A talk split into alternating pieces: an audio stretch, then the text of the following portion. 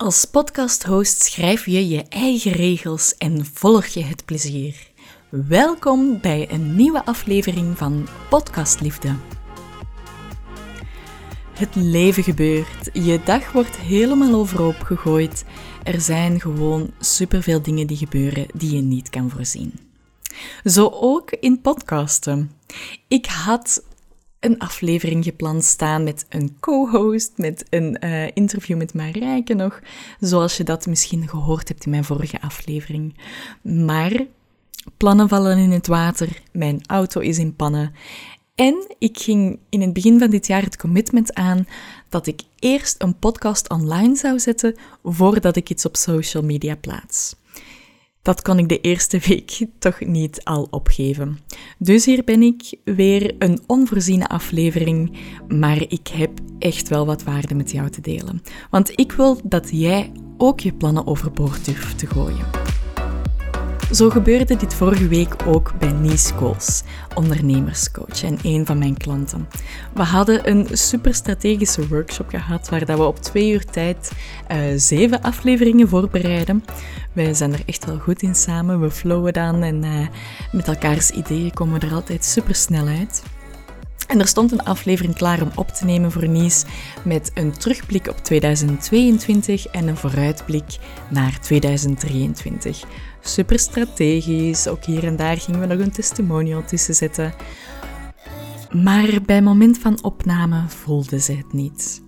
Ze was overweldigd. En dan heeft zij ervoor gekozen om daar een podcast over te maken. Over het gevoel van overweldigd te zijn. En Ah, wat ben ik trots op haar. Ik vond het echt fantastisch. Ik zet sowieso ook de link naar haar aflevering in de show notes en word geïnspireerd, want ze praat echt vanuit haar hart. Ze praat over hoe dat ze zich nu voelt en blikt dan op een hele natuurlijke manier toch terug op het, het vorige jaar, maar wat er ook te komen staat en volledig vanuit het hart gesproken.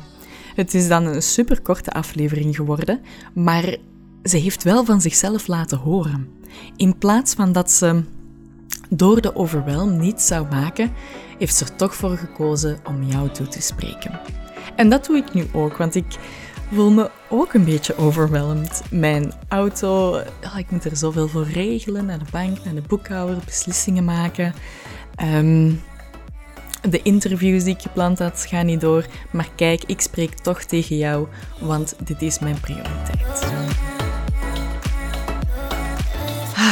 En ik denk ook dat dat superkrachtig is.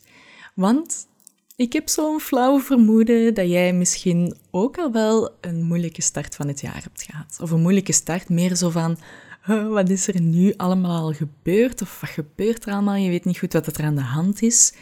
En dat is een energie die leeft volgens mij, waar daar veel mensen zich in, in kunnen herkennen.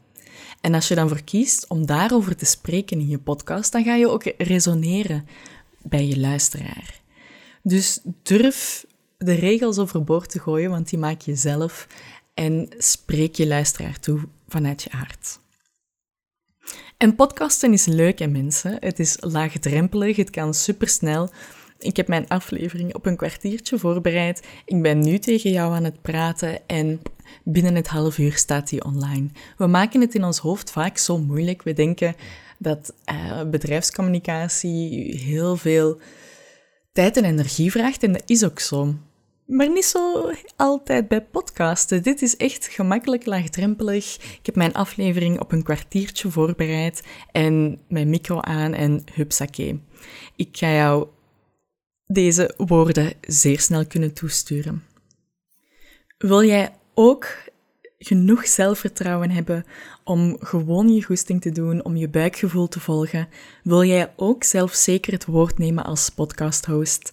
In de show notes vind je een link naar mijn e-book, waarbij dat ik jou help met mijn kapstokmethode om jouw verhaal te bouwen, om een duidelijke boodschap naar buiten te brengen. Deze aflevering bijvoorbeeld. Ik heb een verhaallijn, ik weet wat ik wil zeggen en heb nog ineens een call to action erbij. En dat wil ik jou ook gunnen. Gewoon met plezier en blijheid vertellen over jouw passie.